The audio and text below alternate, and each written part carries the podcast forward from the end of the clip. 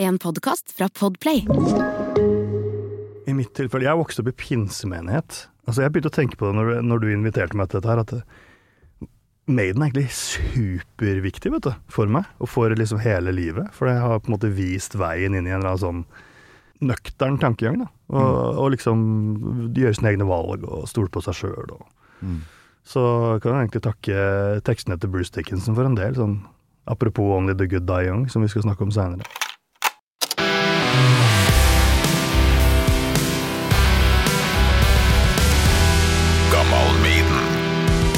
Helt seriøst, jeg satt på et skjær ut i havgapet mot Fevik når vi var på leirskole i sjette, og fikk låne kassetten, Seven, altså Seven Son-kassetten, av en eh, klassekompis.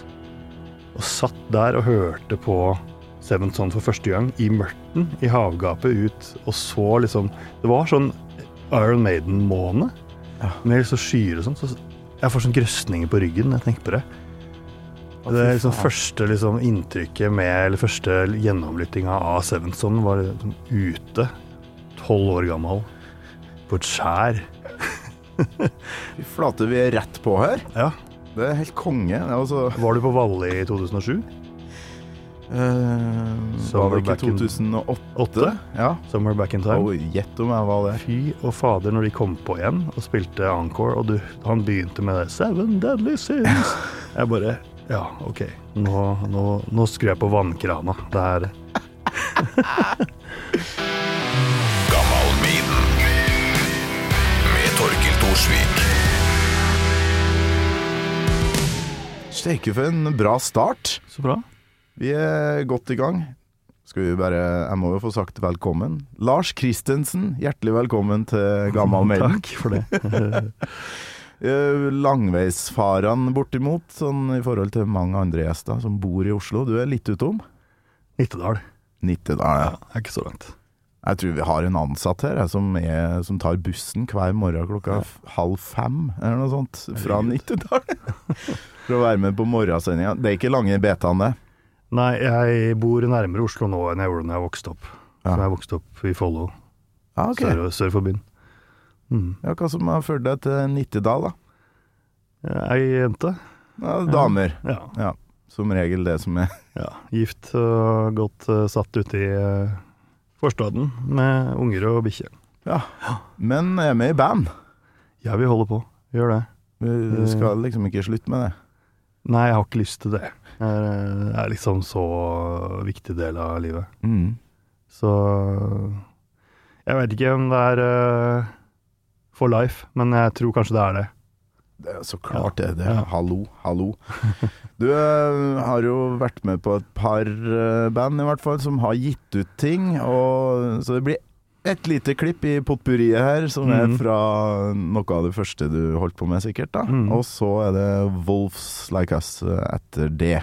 Som jeg liker veldig godt, etter å ha hørt, hørt meg opp litt det siste. Her er Lars Christensen på tromma, ikke sant? Yes. Du er bak batteriet her.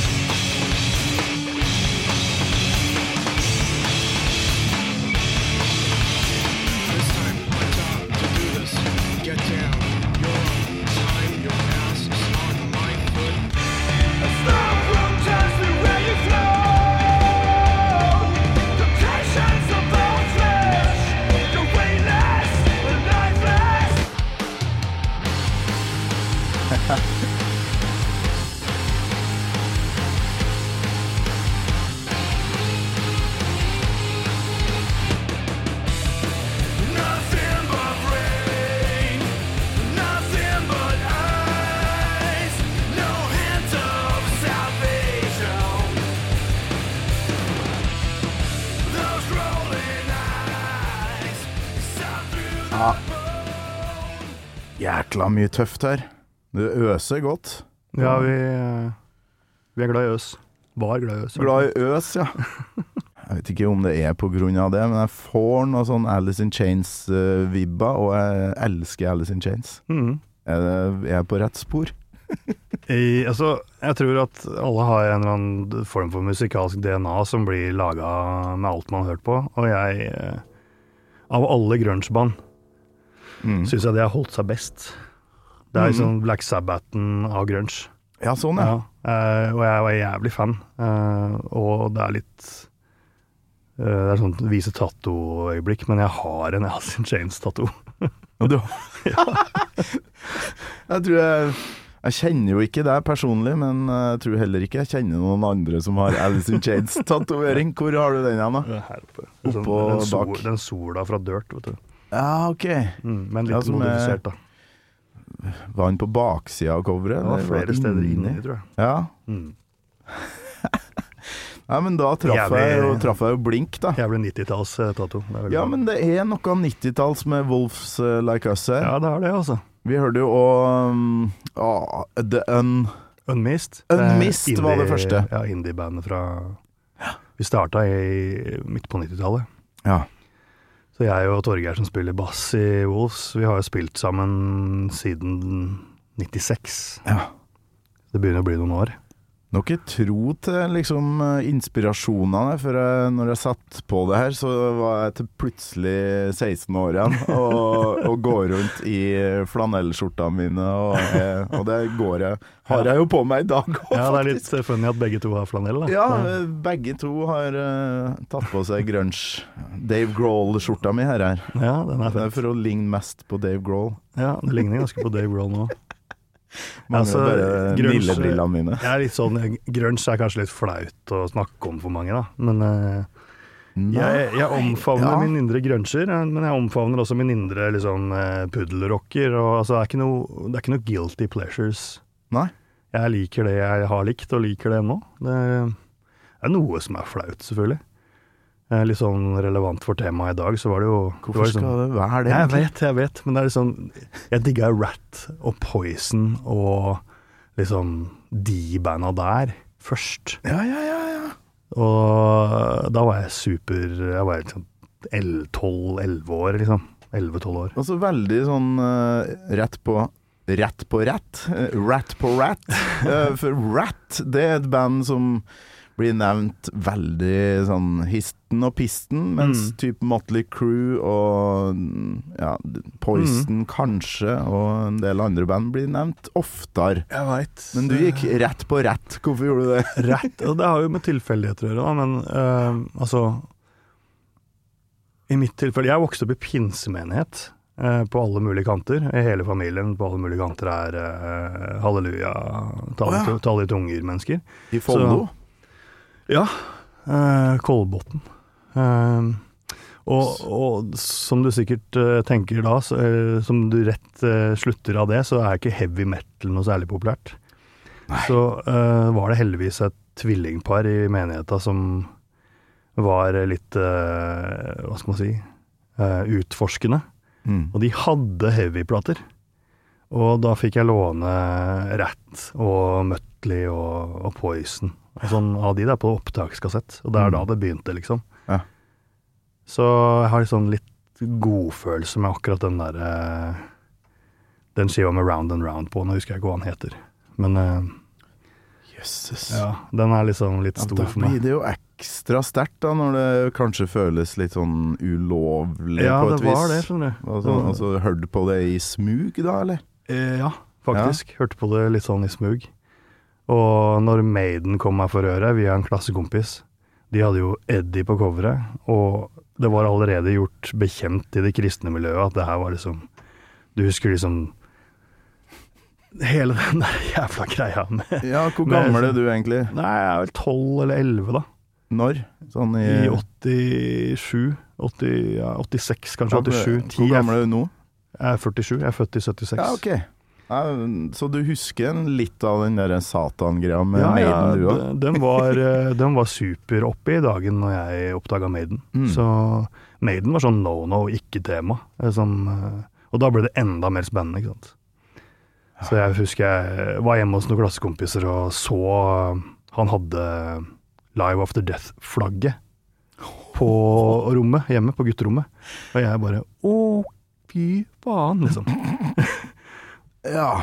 Kan Det- vi høre på dette? Og så satte han på Det er kors og det er kirkegård, Ja, og, så, den- og så bryter den seg ut Ja, av nemlig. grava, liksom. Og så er det sånn HP Lovecraft-sitat på den ene grava. Ikke sånn, sant.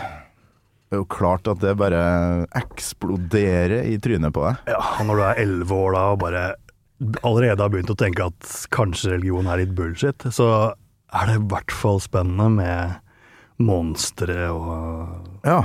Heavymusikk. Og jeg var jo Jeg hadde begynt å spille, spille trommer da jeg var ni år. Begynte å spille trommer i, i, i pinsemenigheten, da. For barnekoret. Du var- altså, Nei, nei. Barnekoret, hvor, hvor hardt kunne du slå på de trommene da? Veldig løst. fun, fun fact. Jeg, et vanlig femtrommers uh, sett, Mm. så fant jeg et par sånne bongotrommer. Som okay. jeg satte opp på et notestativ over hi-haten, akkurat sånn som Nico hadde. Så jeg, jeg hadde liksom Tim Tam Tom Tom Tom. Jeg hadde fem tammer da. Du laga deg et Nico-sett. Helt, helt ærlig. Da, men det som skjer, er jo at de tomme, eller de bongotrommene er altfor tunge. Mm. Så de, de knakk jo det der jævla notstativet. Rett i hi-haten. Så det ble jo et skrammel uten like. Men uh, en liten stund der så følte jeg meg liksom som Nico på Philadelphia Kolbotn. I, i, i 19... Som er en sånn egen bygning som det står Philadelphia på. Ja, det- hvis eh, de som er lokalkjent, hvis dere tar toget utover mot Ski, så på lokalstoppet som heter Solbråtan, så ser du den bygningen nede på Ja. parkeringsplass der. Der har jeg eh, vært på mange, mange, mange lange gudstjenester. gudstjenester som foregår. ja, sånne ting. Jeg har vokst opp på Kolvereid eh, med Mm. foreldre som er, er litt sånn Ja, tror du på Gud?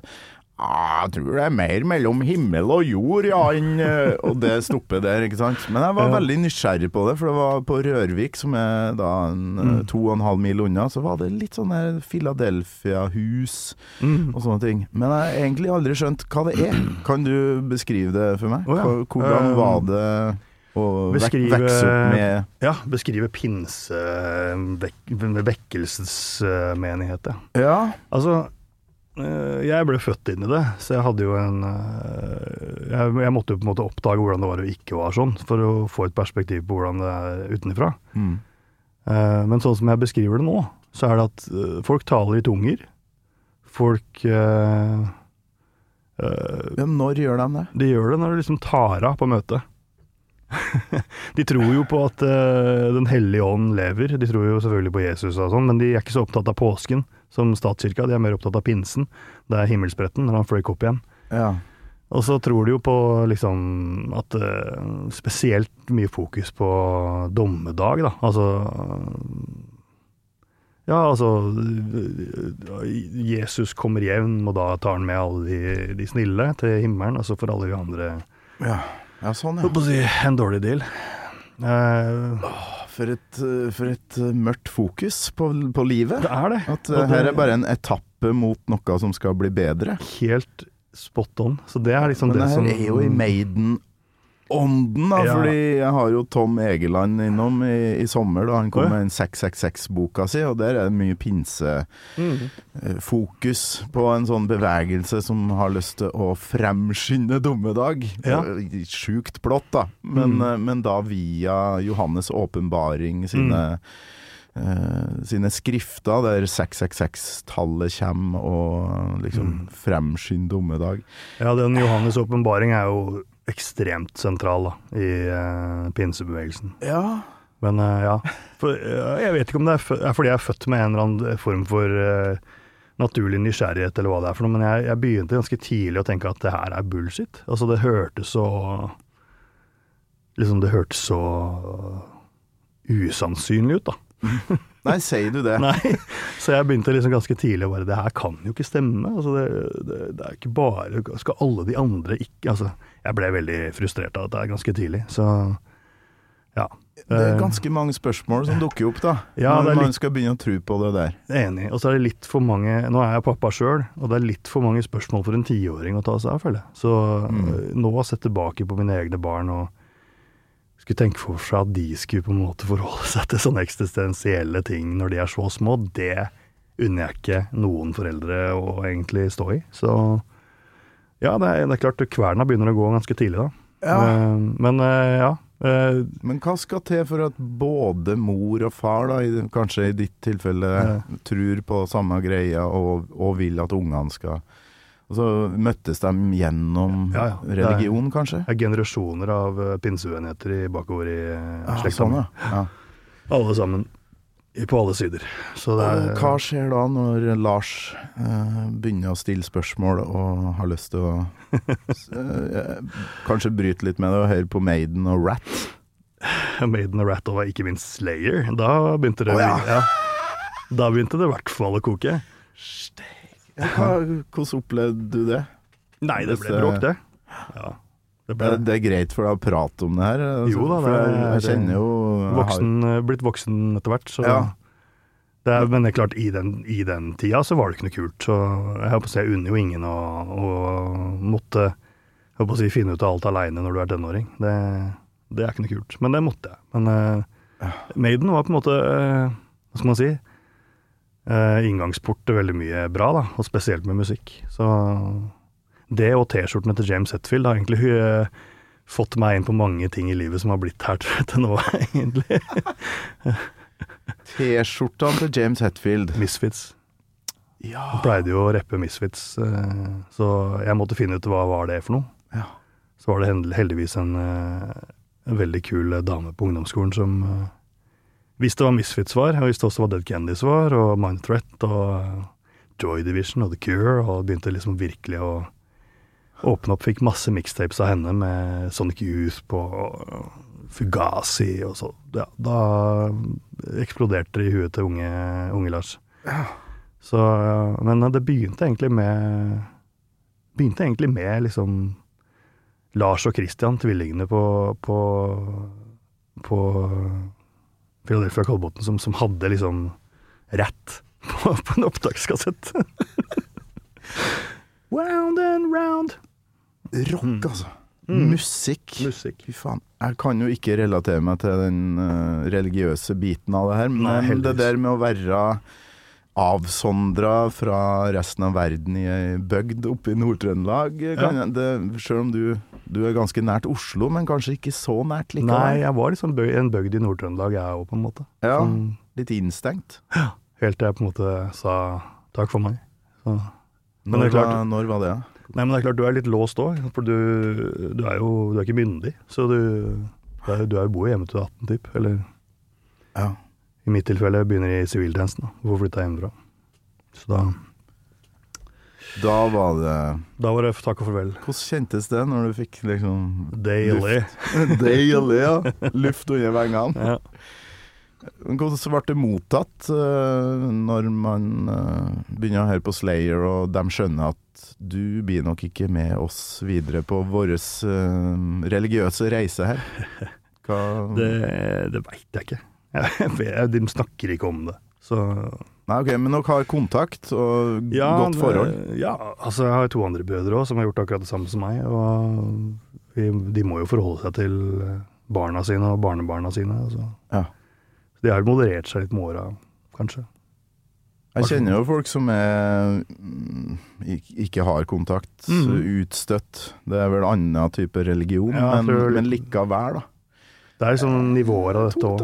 Mm, det unner jeg ingen. Men jeg hadde jo mange år hvor jeg ikke snakka spesielt mye med folka mine. Det hadde jeg. Mm. Det som ofte skjer da når du skal tro på at uh, snart skal alt det her brenne opp, og Mm. noen, noen skal få være med videre til, til Jesus, er jo at folk blir redd Tror du det, eller? i, i barndommen. Ja, Var du det, eller? Ja, fy faen. Det er en av de sterkeste barndomsminnene mine. Jeg vet ikke om det er sånn uh, podkastmateriale, men det er liksom Jeg kommer ned fra annen etasje, og så er det helt tomt nede. Og eh, alle dørene står oppe og sånn. Og det første jeg, som dekker du- dukker opp i huet mitt, og da er jeg liten, altså, det er 'Å nei! Nå har alle blitt henta til himmelen, så har de glemt meg'. Faen. Og så, ja, da sto jeg der, og så var jeg, jeg vet ikke, 11, 10-11 år. Og liksom, du, blir, du kjenner den følelsen av når du er på kjøpesenteret og mora di blir borte. Ja, ja. Den følelsen, bare liksom kanskje litt større, sterkere. Så tenkte jeg liksom Det husker jeg så godt. Og det er liksom 30 år siden. Det er jo 35 år siden. Mm. Og likevel så kjenner jeg akkurat på den der grøsninga jeg fikk når jeg kom ned trappa. Det er det du lærer, da, når du, når du er barn, liksom. Og det, det er jævlig spot on det du sa i stad. Det der med å liksom isolere seg fra det normale utenforskapet. Og liksom leve i sin egen boble og egentlig bare vente på at man skal gå videre. Det er jævlig sjukt når man begynner å tenke på det. Ja. Og da kan du også begynne å forstå liksom andre ekstreme holdninger, kanskje. Ja, du, Absolutt. du isolerer og indoktrinerer en tanke, så kan du egentlig få til ganske mye fælt. Så det, det har jeg i hvert fall lært, at menneskeheten er i stand til å gjøre ganske mye kjipt med andre. Ja, Eh, men du klarer å holde kontakten med det menneskelige via noen Vi er kompiser som kom med heavy rock Ja, vi er på heavy rock kassett. og rollespill, egentlig. Og i rollespill òg? Ja, Dungeons and Dragons var det, det var også superupopulært i Så klart var det det! Ja, så det er jo magikere og det, demoner og ikke sant. Det, så det var jeg også superopptatt av. Så det var jo dritspennende. Faen, vi er soulmates, Lars. Gjett om vi satt med stearinlys og satte på um, soundtracket til den eh, Bram Stokers Dracula-filmen til oh, Francis Ford Coppola, var det ikke det som laga den? Jo. Jo, jo. Ja, den med tror- Gary Oldman. Ja. Ja. Fantastisk musikk. Det sto på repeat, og så satt vi og spilte Dungeons and Dragons Advanced. Helt ja, advanced, ja. Kult. Du, jeg har en tatovering av en 20-sida terning på beinet. Nei, du Å, det er så bra. Ja, jeg har ganske mye rare tatoveringer sånn til info, men uh, det er uh, Det er eh, helt merkelig hvordan man skal prøve å beskrive den isolerte følelsen når man vokser opp på den måten, men så er det så Altså, jeg begynte å tenke på det når du, når du inviterte meg til dette her, at Maiden er egentlig superviktig, vet du, for meg, og for liksom hele livet. For det har på en måte vist veien inn i en eller annen sånn øh, øh, nøktern tankegang, da. Og, og liksom gjøre sine egne valg og stole på seg sjøl. Så kan jeg egentlig takke tekstene til Bruce Dickinson for en del. Sånn, apropos Only the Good Die Young, som vi skal snakke om seinere. Så er det den derre uh, Walking on water are miracles all you can trust. Den, den, når jeg var tolv, så snakka den setninga til meg sånn åh, oh. Det er var grøsningen jeg tenkte på nå. Liksom, at jeg, når jeg hørte det, så var jeg bare sånn Nei, visst faen er det ikke det, liksom. Mm. Ja, det er jo helt rått. Mm. Da ble det lovlig dypt inn i podkasten her, merker jeg, men eh, Nei, men eh, det er så perfekt. Det er endelig noen som, uh, som hørte litt på tekstene òg. ja, jeg elsker tekstene. Jeg er historienerd i tillegg, så jeg Altså, jeg har studert historie på universitetet på grunn av uh, Sikkert underbevisst på grunn av mye på en måte Alexander the Great og Ja, ja. Måtte finne ut av hva Hva, hva gjør du nå? Er det noe relatert med den jobben du har i dag? Nei, jeg, altså jeg tok en sosiologi- og historiegrad på universitetet. Eh, så jeg jobber jo i staten. Men jeg jobber jo ikke med noe av det, egentlig. Jeg jobber mer med sosiologibiten. Men eh, Ah. jeg er bare veldig nerd, egentlig. jeg tror egentlig Bruce Dickinson også er ganske nerd, så det Ja. Han har kanskje åpna litt sånn eh, Han har gjort det legitimt å være nerd. Da er vi to, egentlig. For det har Ja. gått opp for meg etter at jeg begynte med Gammal Maiden, at jeg er nerd. da Ja. Jeg har aldri sett på meg sjøl som nerd. Nei, ikke. Selv om jeg sprang opp i skogen eh, i Fossbrenna i Namsos med, med sånne brune klær og polstra sverd Wow. på live-rollespill. Det er hardt nerd. Nerding. Det er veldig bra. Jeg har aldri liva, men det Altså, det å si det høyt òg, det vitner om karakter, det, altså. Ja, altså Når jeg ser det til ungene mine nå, så bare Nei, ikke si det! Ikke si at du har gjort det, pappa! Nei, nei. For de er, det er så fjernt fra er deres verden. Nei, jeg, jeg, jeg har så sykt nerdete interesser. Det er liksom Det er eh, fantasy og heavy metal og historie og ah, samfunnsstruktur. Altså, jeg vet ikke. Jeg kanskje har røyka for mye da jeg var liten. Jeg vet ikke. Ja, og det ble røyking òg. Du skulle gå all in på å liksom det, være altså, det er en av de tingene med å være der jeg er fra, Langhus eh, i Follo. Det er jo Det kan man si er ganske lett å få tak i jazztobakk. Ja, okay. Så det, det var jo ganske populært en stund, kan du si. Men det gikk bra med deg lell, da. Ja. Du sitter nå her og har jobb og Ja visst. Bil og eh, huslån og Ja da. Nei, vi har eh, mye til felles. Kolvereid var ikke akkurat uh, verdens hasjnavle, men Nei. det ble jo det etter hvert. Ja, ja. Vi fikk jo tak i i- Alt skal jo prøves i en viss alder. Men du gikk da på et vis og bare venta på å bli 18 år. Ja. Hvorfor kom det Mm, ut i verden? Mm. Hvor var den siviltjenesten? Kom deg langt? Kirkens Bymisjon i Oslo. Mm, okay. ironisk nok. Men uh, det var altså med hiv-positive uh, sprøytenarkomane og homofile, stort sett. For det var uh, folk som hiv, eh, hadde hiv da. Mm. Kontaktsenter for det. Så det var ikke så veldig mye fokus på religion der. Det var Ah, ok. mer fokus på å tørke opp narkoblod på dass og lage kaffe. Men det var utrolig rått. Det Fikk du bo eh, et annet sted enn mm, Jeg bodde i Ja. Oslo. Det er jo det viktigste her. Det er det. For da er det ikke kors overalt og, og mye fokus. eh. Men liksom alle brødrene dine òg, altså. Sånn Mm. at eh, det er jo litt sånn godt og høyre, egentlig. da. Ja, er det. Det går an. Det, det får til mye med et godt utdanningsvesen, eller utdanningsinstitusjoner som er gratis. Det er veldig fint, for da kan man eh, faktisk lese på skolen og komme inn på universitetet og lære. Det, det tror jeg er liksom nøkkelen for veldig mye hva som helst av indoktrinerte subkulturer. Altså være seg religion eller ekstrem politisk eller hva det handler om. Så stort sett så handler det egentlig bare om å få litt perspektiv på hvordan verden er og har vært. Og Det er ikke så vanskelig å historie. Ja, det er ikke så vanskelig å se i kommentarfeltene i dag at um, utdanning kan være viktig. Kanskje lese et par bøker i året. Jævlig mange som har gått på livets harde skole, i hvert fall. Det er helt sikkert. Ja, Eller hør på Maiden, egentlig. Hør på Maiden. Det er uh, moralen i historien. Hør på Maiden, så går det bra.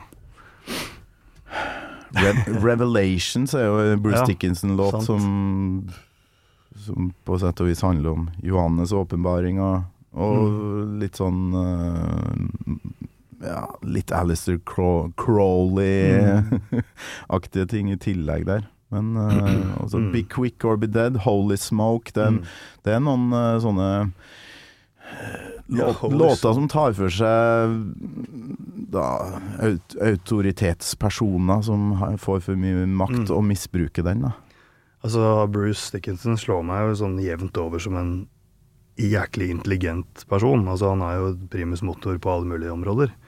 Han, får vel, han har vel fått til mer enn fem mann får til i løpet av et liv. Og han har sikkert en del år igjen å finne ut av ting på. Altså, jeg mener Han er sånn typisk renessansemann som jeg tenker at uh, Hva er det han Hvilken gryte falt han i når han var liten? For det han, er jo, han må jo være hyperintelligent. Altså, Hjernen hans må jo gå i 100 km i timen hele tida. Har du lest uh, boka hans? Nei, jeg har ikke det. Ja, Den må du lese. Han har hatt ganske lik oppvekst med sånn boarding school-aktige ting, og Ja, mye autoriteter som han eh, sparka rett i, i pungen, rett og slett. Altså, han ga så jævlig faen i Ja. folk som eh, hadde for mye makt, da. Mm. Og det, sånn har han jo fortsatt. Mm. Og hvor mange har hatt eh, noen gjester her nå, og hvor mange av de gjestene som har blitt påvirka av Bruce Dickinson, det, det er ganske mange, altså. Ja. Som i, har fått en retning da, Mm. i livet som de ikke hadde fra før, pga. tekstene hans. Samme med James Hetfield. Ja. Uh, han også oppdaga jo etter hvert at uh, Vokste opp i en sånn ekstrem eh, Jeg vet ikke hva det er, Christian Scientist eller noe han vokste opp i. Og såpass, ja. Jeg har ikke lest så mye om Mye av tekstene hans òg er veldig sånn altså Han er veldig autoritetsutfordrende, men eh, det er liksom Leper Messiah og de Ja. tingene som også snakka veldig til meg, da. Ja, og han lefler jo mye med Lovecraft og, Nemlig. og sånne universer som jeg og du er glad i. Som gifter seg med rollespill igjen, og så, ja. Mm. veldig sånn fantasy, heavy metal. Jeg er egentlig to sider av samme, Ja. samme sak. Eh, Og så har du Slayer, da, som er bare rett fram Satan. Som, det er koselig. Gud er død. Men uh, Tenk at, tenk at det ble sett på som farlig. Mm. Det som fikk både meg og deg inn på et eh, bra spor, da, syns mm. jeg i hvert fall. Eh, Både rollespill Ja. og metal- og rockemusikk, da. Sorry. Dungeons and Dragons. Men eh, ja, du sa at du første låta som bare klukk dukka opp i hodet, var Moonchild, men så Mm. går du altså i andre enden av Seven Son-universet Ja. Um, til slutten. Skal vi bare kjøre på med låta di? La oss det. Only the good die young. oh yes, da er det intro.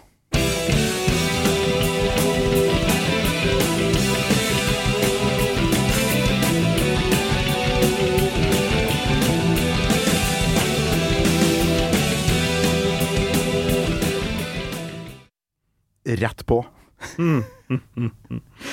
Det er ikke noe øh, oppbygning her, nei. Nei. Men hvorfor akkurat den her, da? Sånn, uh, som nummer to etter Moonchild? Nei, det var Altså, øhm, jeg måtte tenke, da. Øh, velge én låt fra Iron Maiden. Det er jo umulig. Men så tenkte jeg liksom, ok, jeg må tilbake igjen til jeg var kid, og så må jeg kjenne på de der øyeblikka. Og hvor, hvor var det liksom rent musikalsk? Jeg fikk den kilinga på ryggen, og det er Moonchild. øh, men så sto det liksom mellom Rhyme of the Ancient Mariner, som jeg mener har verdens beste riff, uh, uti, langt uti. Um, og så var det Caught Somewhere in Time, fordi Somewhere in Time er jo Det, er, det knives hardt mellom den og Seven Son. Ja, fy faen. Jeg klarer egentlig ikke å velge mellom de, men Seven Son vinner litt Det er liksom ett steg over. Um, Ja. Og så tenkte jeg Hver gang den bassoloen kommer på Only the Good Die Young, så uh, kribler det så hardt i hele ryggraden. Det er så fett. Og det, hvis dere hører på låta Altså, Steve Harris, det er full galopp hele låta. Altså, det, de har jo ikke spilt den live. Og det tror jeg er fordi det, den er bare Den er helt jævlig for han å spille. Ja. Det er, den er hele tida. Og så tar han den bassoloen på midten der. Det er, eh, det er så fett. Det, er, det, det grøsser så tungt når han spiller den bassoloen. Ja, den skal vi høre etter hvert. Og jeg Ja. har prøvd å finne en isolert uh, basstrack som Mm. eh, folk klarer å finne. Det ligger på YouTube, men akkurat når den soloen kommer, så går det så fort at den Ja. maskina som har prøvd å å melke ut bassen her, ikke får det med seg. Nei. Så det er bare kaos. Det er bare Ja, det er helt sjukt. Det er så fett. Og så har de ikke spilt den live. Og det er liksom aldri spilt på en scene. Nei, og det er liksom den og, og Alexander the Great, liksom, som er Altså Det er et par andre de ikke har spilt, selvfølgelig, men Ja. jeg hørte jo Det var jo noen rykter på internett som snakka om at Og så hørte jeg på podkasten din at dere har vært på spoken word med, med Bruce, Ja. og han ymta frampå om at han skulle spille Alexander the Great. Og så tenker jeg, er det håp? De er 70 snart. Kan de spille Only the Good Die Young, liksom? ja, for det er den, din andre Alexander, på et vis. da. Ja, det er det.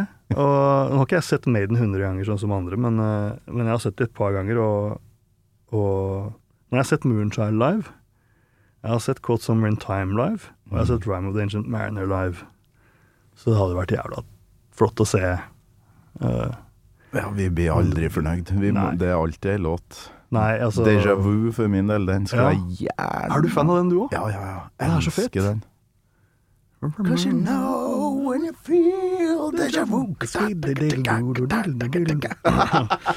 Det er så lett å bli tungt sånn derre Sitte og tralle og luftrommet og det går så fort dit når jeg kommer til Maiden.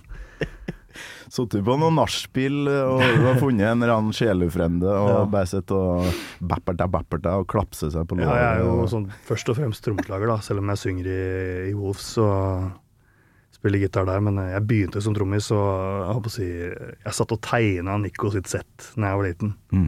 Og jeg har hørt så intenst på, på han som trommis i alle år, og sett så mange timer på YouTube når han har sånn trommeklinikker, og jeg er så fan. Så Deilig. et av de største livsmåla mine er å liksom bare få møtt han, og bare sagt du er liksom Du er mannen.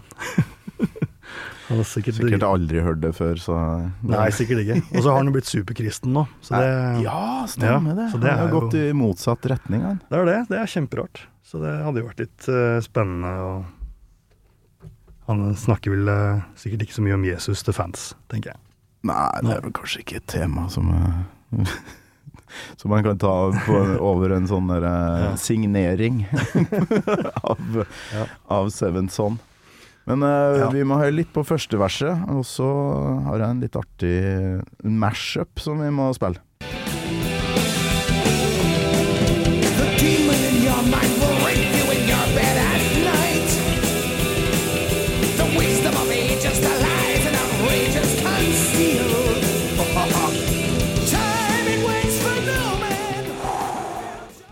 To linjer, altså rett i bridge. Det Ja. det er offensivt. Ja. Men eh, altså The demon in your bed, er det han? Demon in your mind In will your- rape you in your bed at night. Det er litt som den eh, frykten du har vokst opp med, kanskje? Det er friskt eh, tekstmessig, det er det. Altså. Pinsemenigheten, er det demoner inne i bildet der? Liksom Ja, 100% Det er liksom Helvetes. Satan uh, Så storyen går jo sånn her at det, det var en krig i himmelen en gang, dere. Ja. Uh, ja, nå skal dere høre. Og Gud, eller de, de vant, da. De vant, og de har to tredjedeler. Og så Lucifer, han med all den kule musikken, han tapte, og han tok med seg en tredjedel av englene. Og de, de englene ble jo demoner. Mm. Og sikkert noen drager òg. ha-ha. Uh, så uh, de er på en måte De er her på jorda da, for å plage oss. Og liksom, når du får uh, angst eller sånn, så er det en demon, da, ifølge pinsemenigheten. Eller hvis du er Ja, hvis du er plaga med psykisk uhelse, for eksempel, da, Mm. så er det en demon inni deg som trenger å komme ut via bønn, forbønn. Jeg som nå jobber i psykiatri, syns jo det er veldig artig eh, måte å håndtere psykisk diagnose på. Men Ja. eh, ja. Men uh, jeg skjønner jo at uh, himmelen og liksom uh, Jesus skal ta deg imot til syvende og sist. Men på veien dit, hva er det som er um, budskapet, egentlig? Hvordan skal mennesker oppføre seg her på jorda, da, for å få komme dit? Det er jo ti bud, da. Ti bud, det står sterkt. Det Det er er sånn. det.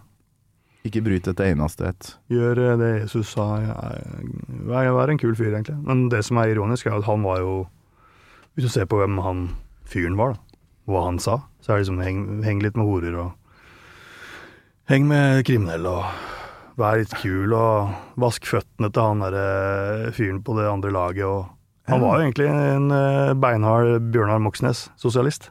Ikke sant? Og så eh, Alle de fansa til Jesus i dag, de er jo Sylvi Listhaug og co. Og de, de skjønner jo ikke at det er en liten, det er en liten dissonans i budskapet de er fans av, og måten de utøver det på. Men uh, bare en eh, det, det, går, det er enda mer ekstremt i USA, tror jeg. Det, de som er pinsemenighet i i USA, som er kjempestort for øvrig, de, eh, de er enda verre. Det er jo de Trump-folka. Rett og slett. Ja, vi står og sitter her nå i, i en Maiden metal rockepodkast og snakker om det her i bisetninga, bare for å nøste opp litt i oppveksten din. Men Ja, ak akkurat nå, i den tida her, 2023, Mm. snart 24, så er det det her jævlig viktig. Ja. Eh, Med tanke på hva som skjer for tida med den høyrevridde tankegangen. Mm. For det er jævlig mye religion der. Veldig. Men du gjorde jo det Jesus gjorde, da. Du for på Kirkens Bymisjon og vaska blod etter hiv-positive. Ja, Og hang med dem, da. Ja, ja. Og lærte veldig mye flott av junkier, egentlig. Ja. Hvordan man behandler andre. Og de er eh, 95% av de er fantastiske bra folk som bare har vært jævlig uheldige. Og hatt en fucka oppvekst, mange av de. Dessverre. For jeg er jo Jeg kan fort bli litt amper når det blir sånn religionsdiskusjoner, men jeg, jeg, jeg forstår jo tanken. uh, at religion kan gjøre oss uh, altså, At vi oppfører oss bedre av at vi har lest ei bok, eller Men jeg, jeg tenker jo at vi har det i oss fra før, da. Og at eh, kanskje sant? de som ta, tolker Bibelen for bokstavelig, blir så prektig. At, at når du blir sånn 'Jeg har forstått det her, det har Mm. ikke du'. Du er homofil, det er ikke lov, det. Jeg, måten jeg gjør det på. Jeg har kone og tre barn. Det, det er riktig. Ja. Du gjør det feil. Mm. Når det, når det kommer dit, da har jo religion eh, spilt fallitt. Det er fattern, det du snakker om nå. Ja? Faren min er sånn. Men eh, ja, hva skal jeg si? Eh, de, eh, de De De er for isolerte, tenker jeg. Og så er det veldig lett å bruke de isolerte folka til uh, noe sånt til à la Maga-gjengen i USA, da. Hvis du bor i en sånn isolert boble, så er det veldig lett å si de er skumle, de er farlige. Stem på oss fordi vi skal bli kvitt de, typ. Det er veldig morsomt. Men eh, det du snakka om også, med liksom eh, En av de tingene som irriterer meg med religion, er jo at de skal liksom ha eh, monopol på moral. Altså, hvordan kom vi hit da? Vi har jo ikke hatt kristendom lenger enn i 2000 år. Hva skjedde før det? Mm. Vi må jo ha overlevd opp til et punkt. Akkurat som du sier, det må jo være iboende i oss en eller annen form for moral og etikk. Altså, vi kom jo da hit i, gjennom istid og, og bronse og steinalder. Altså, Mm. vi, vi, vi overlevde. Det er derfor vi sitter her. Så det er ikke pga. kristendommen eller islam. Det er fordi vi som mennesker har en eller annen iboende sens for rett og galt. Eh, Ikke- Det er veldig veldig vanskelig for veldig mange kristne eller andre religiøse å forstå den tanken. Ja. For da utfordrer du hele liksom, autoritetsgrunnlaget da, for religionen. Det er ikke religionen som definerer moral, det er oss selv. Og da er vi jo per definisjon frie. Do what thy wilt, wilt shall be the whole of the law, og så videre.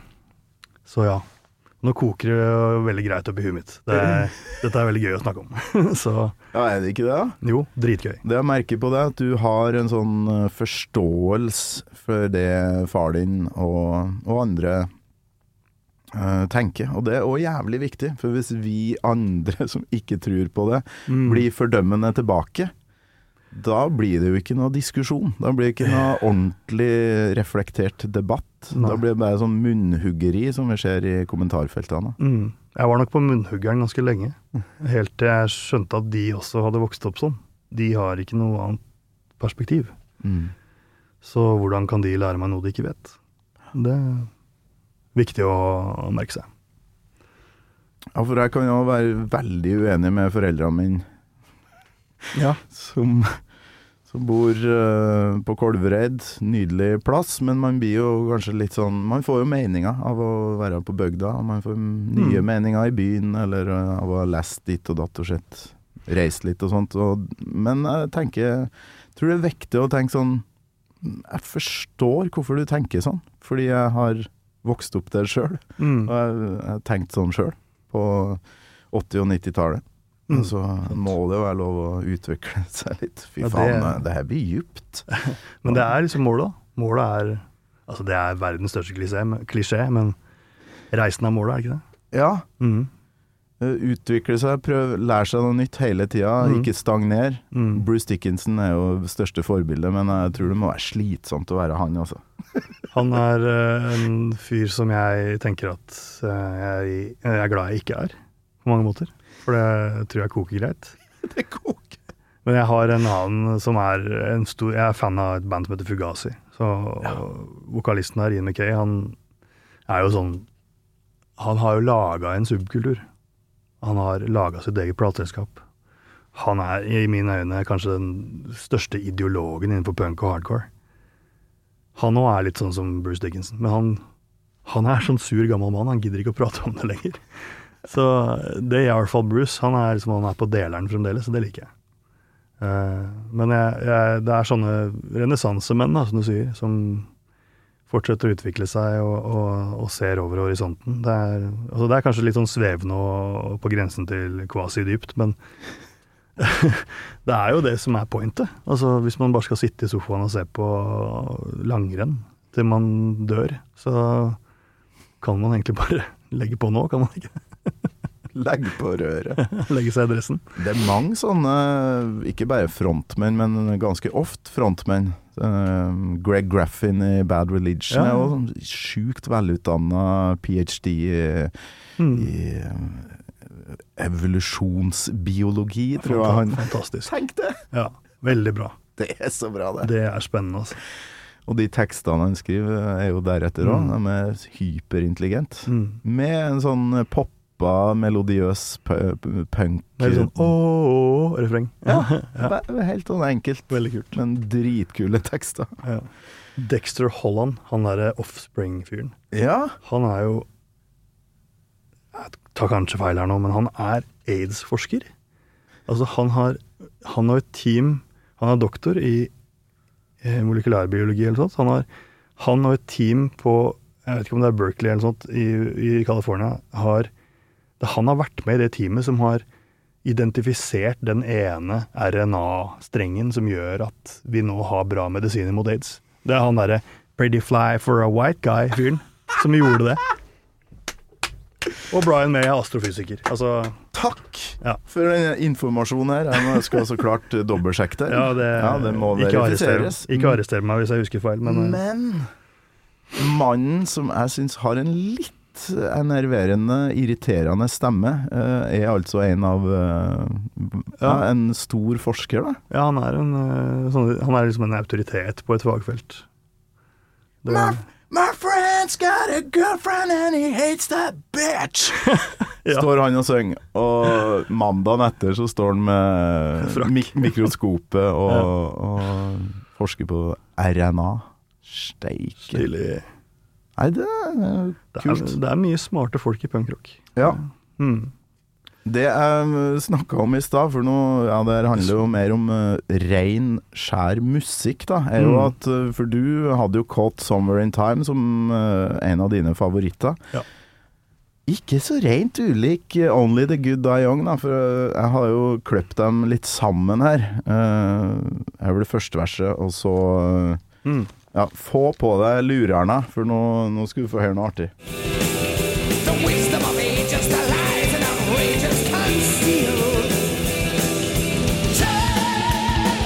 Oh.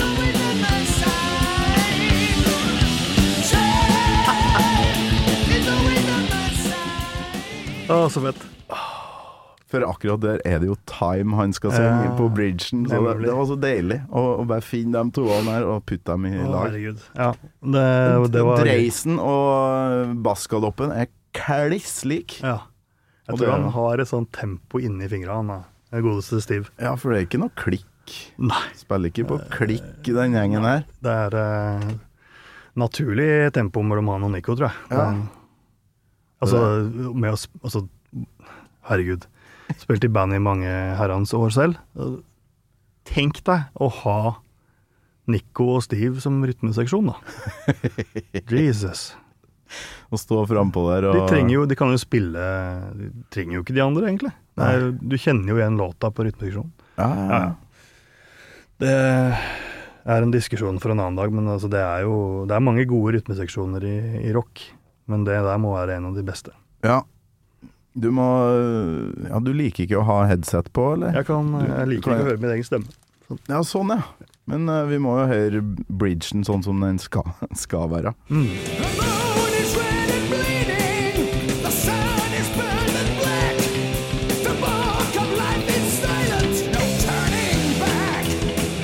Og, ja, ja, og så kommer jo refrenget. Only the good die young.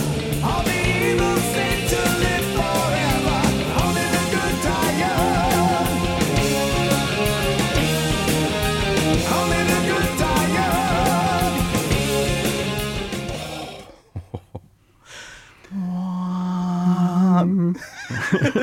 Den subtile synt-greia der. Ja. Fantastisk. Det er forresten han fyren.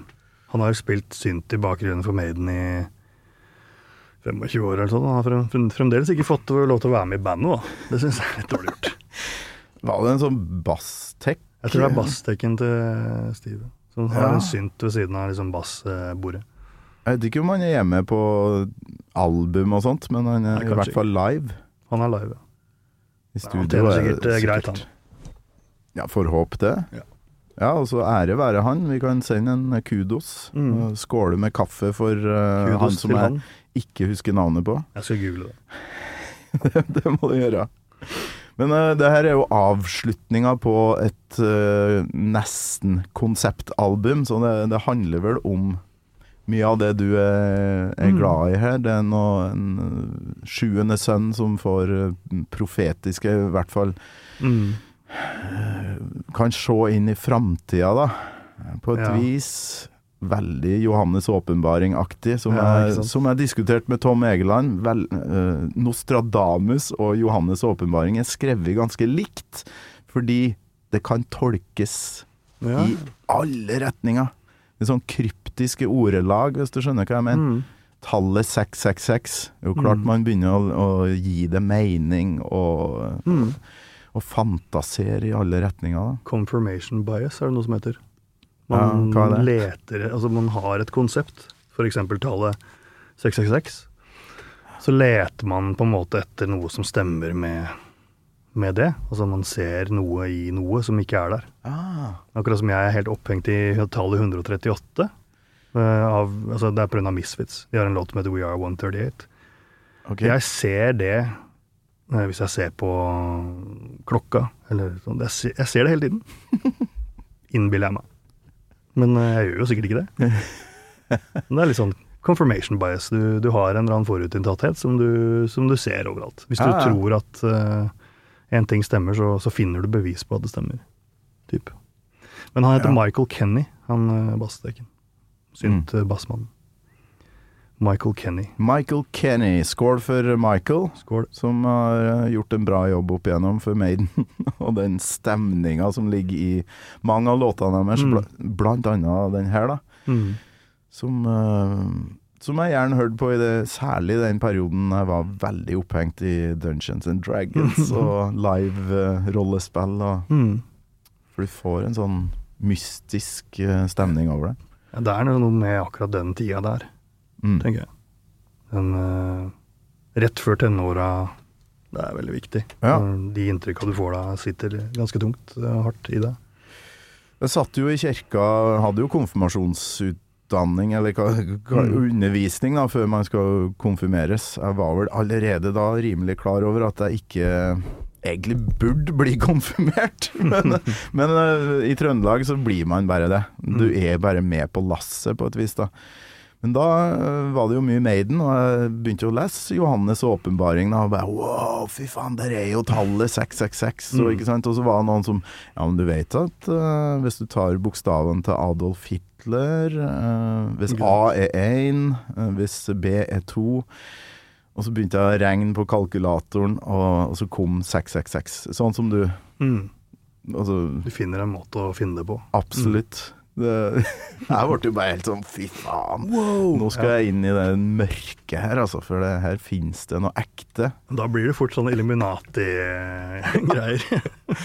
Gjett, da, om jeg trodde på at eh, Mm. den her eh, Johannes' åpenbaring hadde noe for seg, liksom. Og så blir det sånn Ja, 11. september eh, var en inside job, og så har jeg det gående.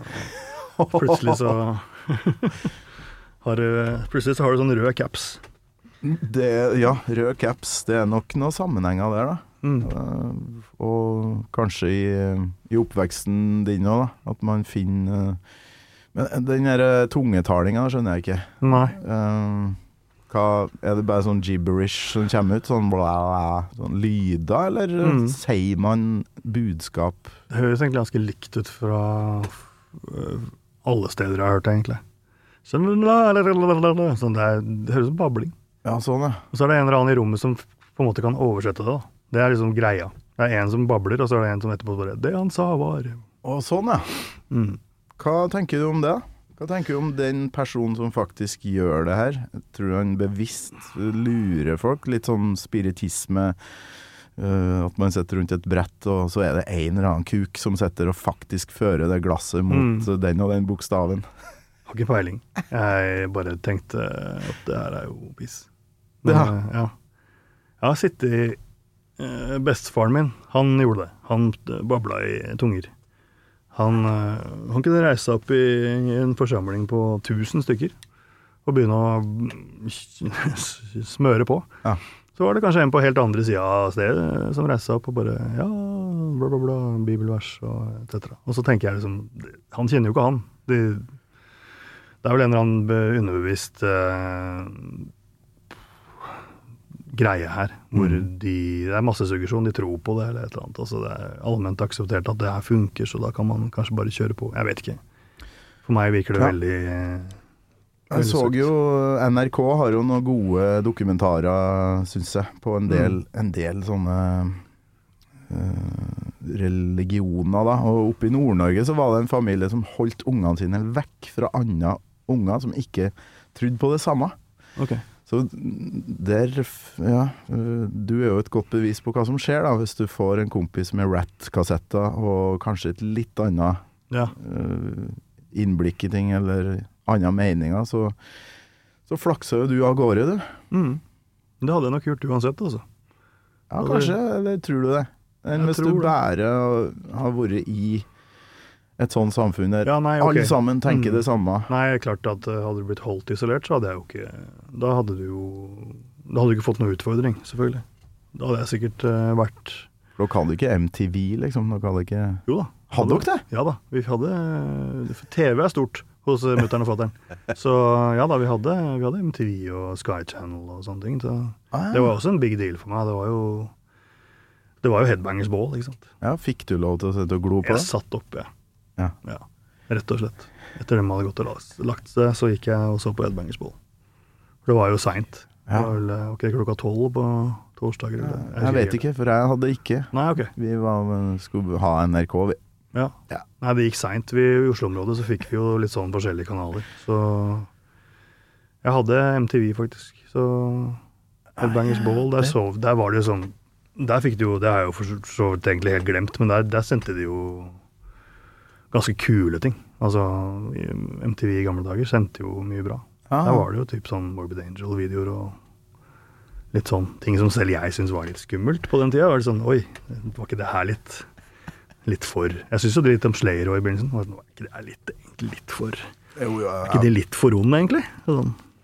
Jeg syns det var helt ubrukelig musikk i starten. Altfor uh, Jeg fikk ikke tak på det. Altså, det var Ja, for det- Maiden hadde et system på et vis, men Ja. Slayer var bare sånn Nei, det var Seasons in the Abyss som gjorde det for meg.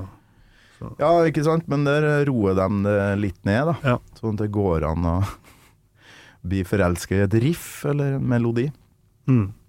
Men uh, vi må ja, ja, Litt solo først, og så må vi jo Vi har jo snakka om den der bassoloen som vi skal høre på etter hvert.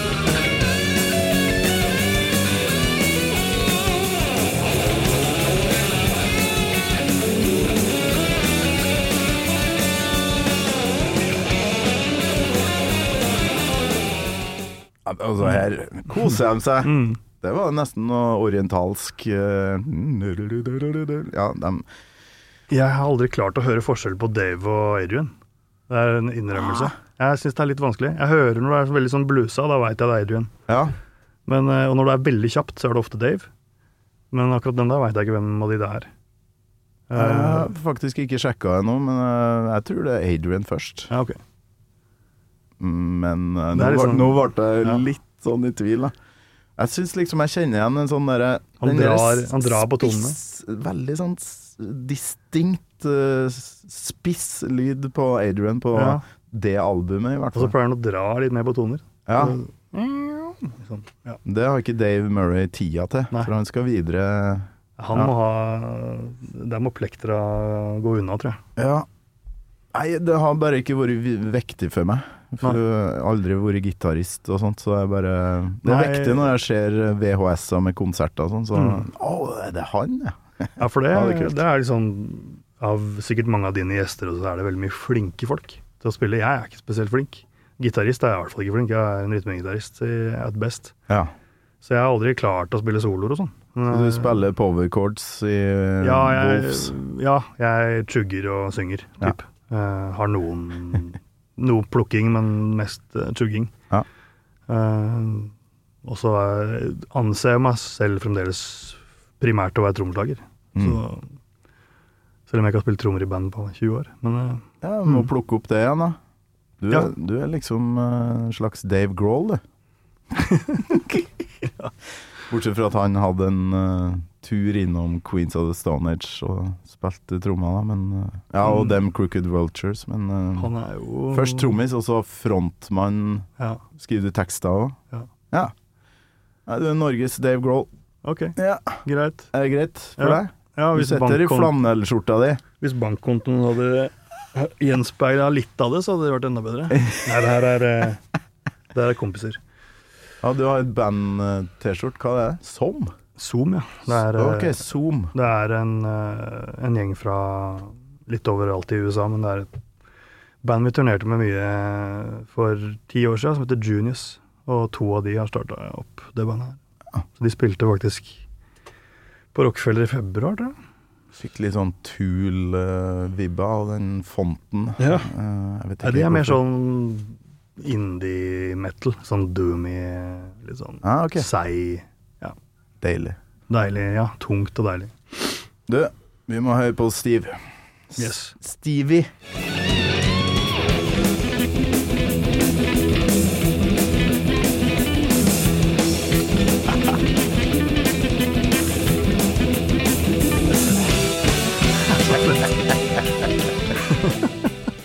Det er så grusomt fett. Oi, oi, oi. For det er ikke, det er ikke sjukt mange låter han gjør sånne ting på. Det er vel, det er vel noen andre sånne krumspring her og der, men Jeg har ikke Jeg kommer ikke på noen andre med bassolo på. nei. Ikke som jeg har hørt. Nå har jeg bevisst ignorert 90-tallsmadene. Jo, jo. Men det kan jo på et vis ligne litt at den briljerer veldig på Run to the Hills på en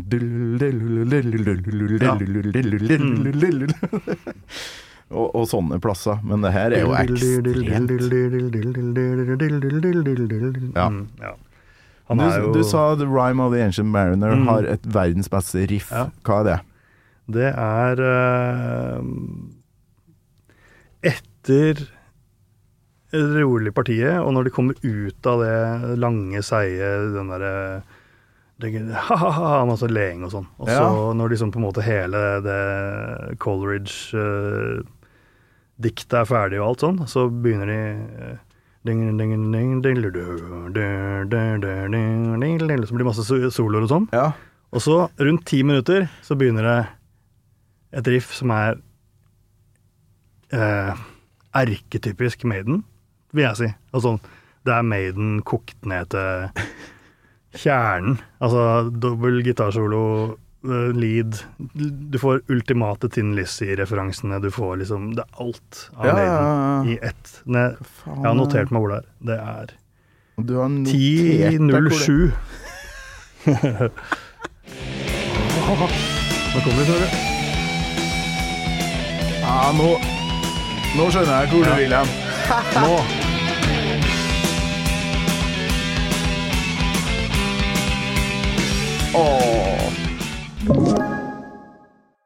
You're listening to a podcast. I'm Bruce Dickinson. You're not. And you're listening to Gamal Maiden. Og det her er et sånn deilig øyeblikk på um, Live After Death òg, når han bare står der og leverer det her.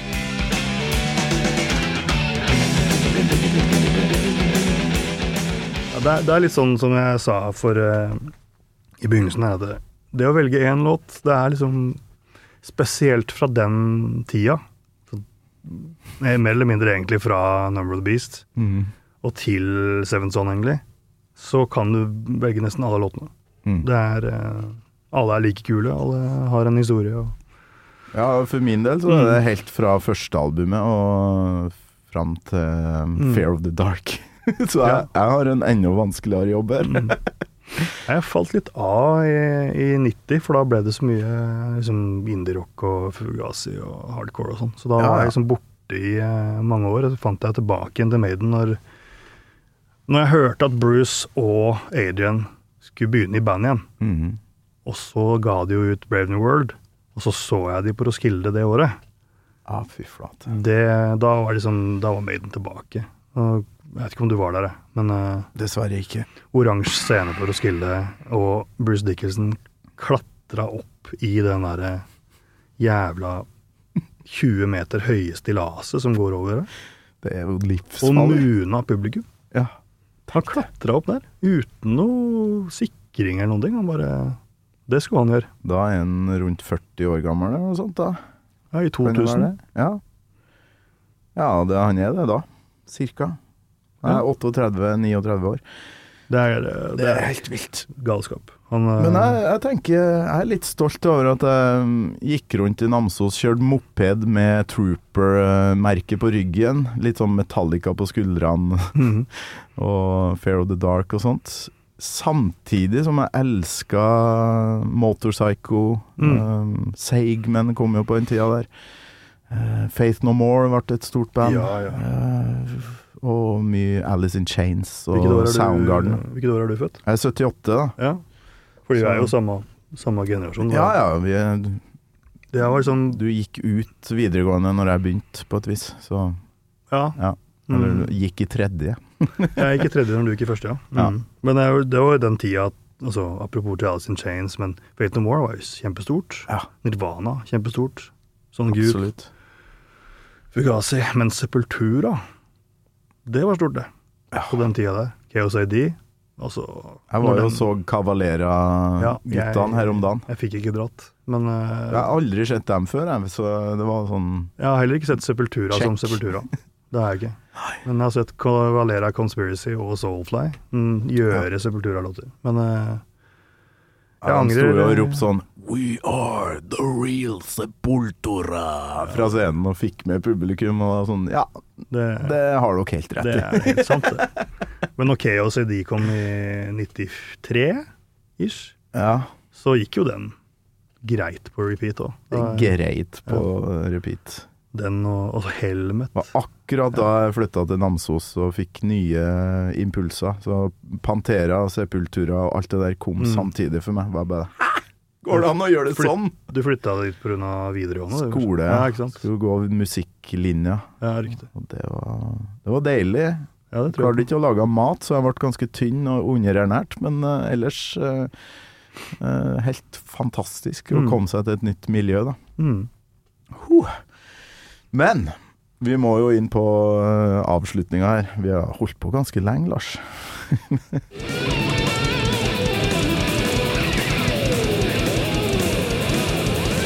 Det er noen rockeavslutning, da. Ja. Noen...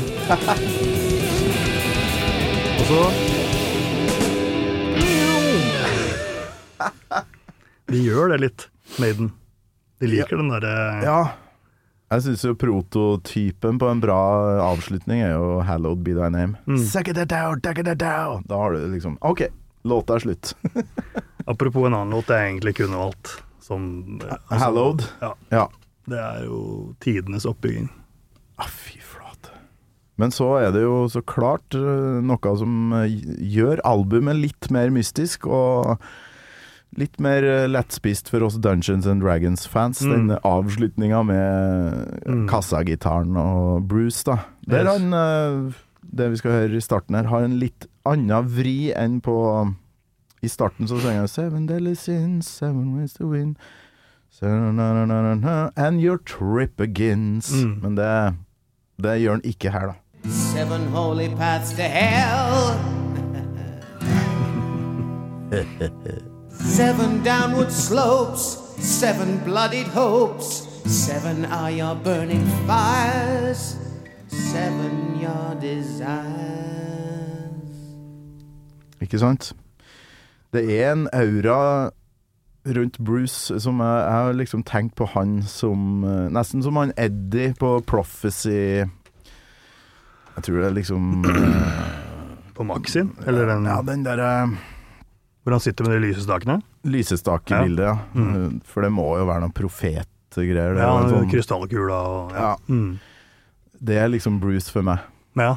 Og, og sånn setter han jo på den plakaten for Bruce Dickinson spoken word-turneen sin, med to sånne Han gjør det. Ja, med ei bok.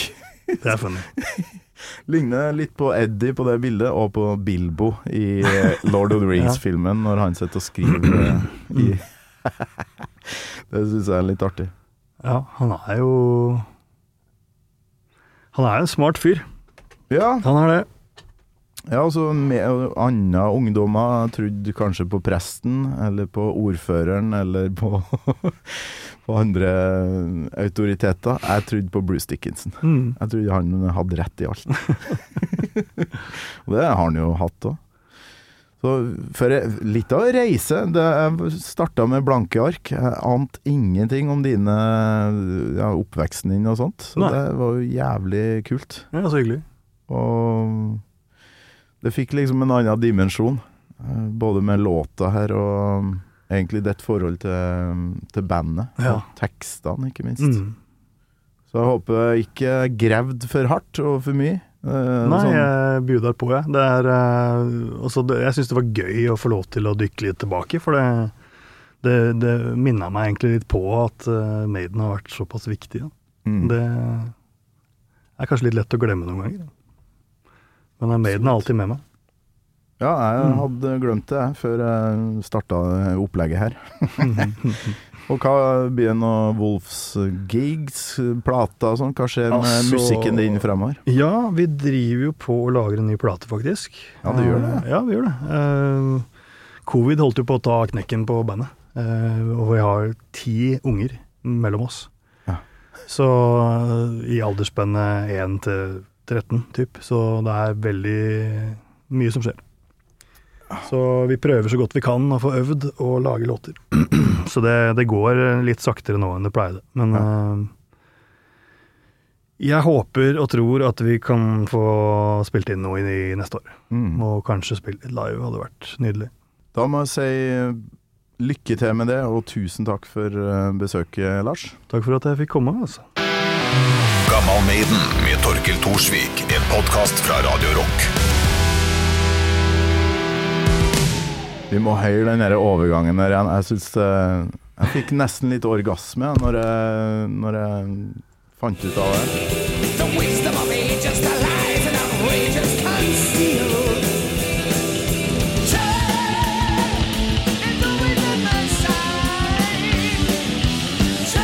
Det er liksom litt lik uh, lyd da på de her to. Mm. Nei, det er jeg fornøyd med. Det var kult. Det var dritbra. Du har hørt en podkast fra Podplay.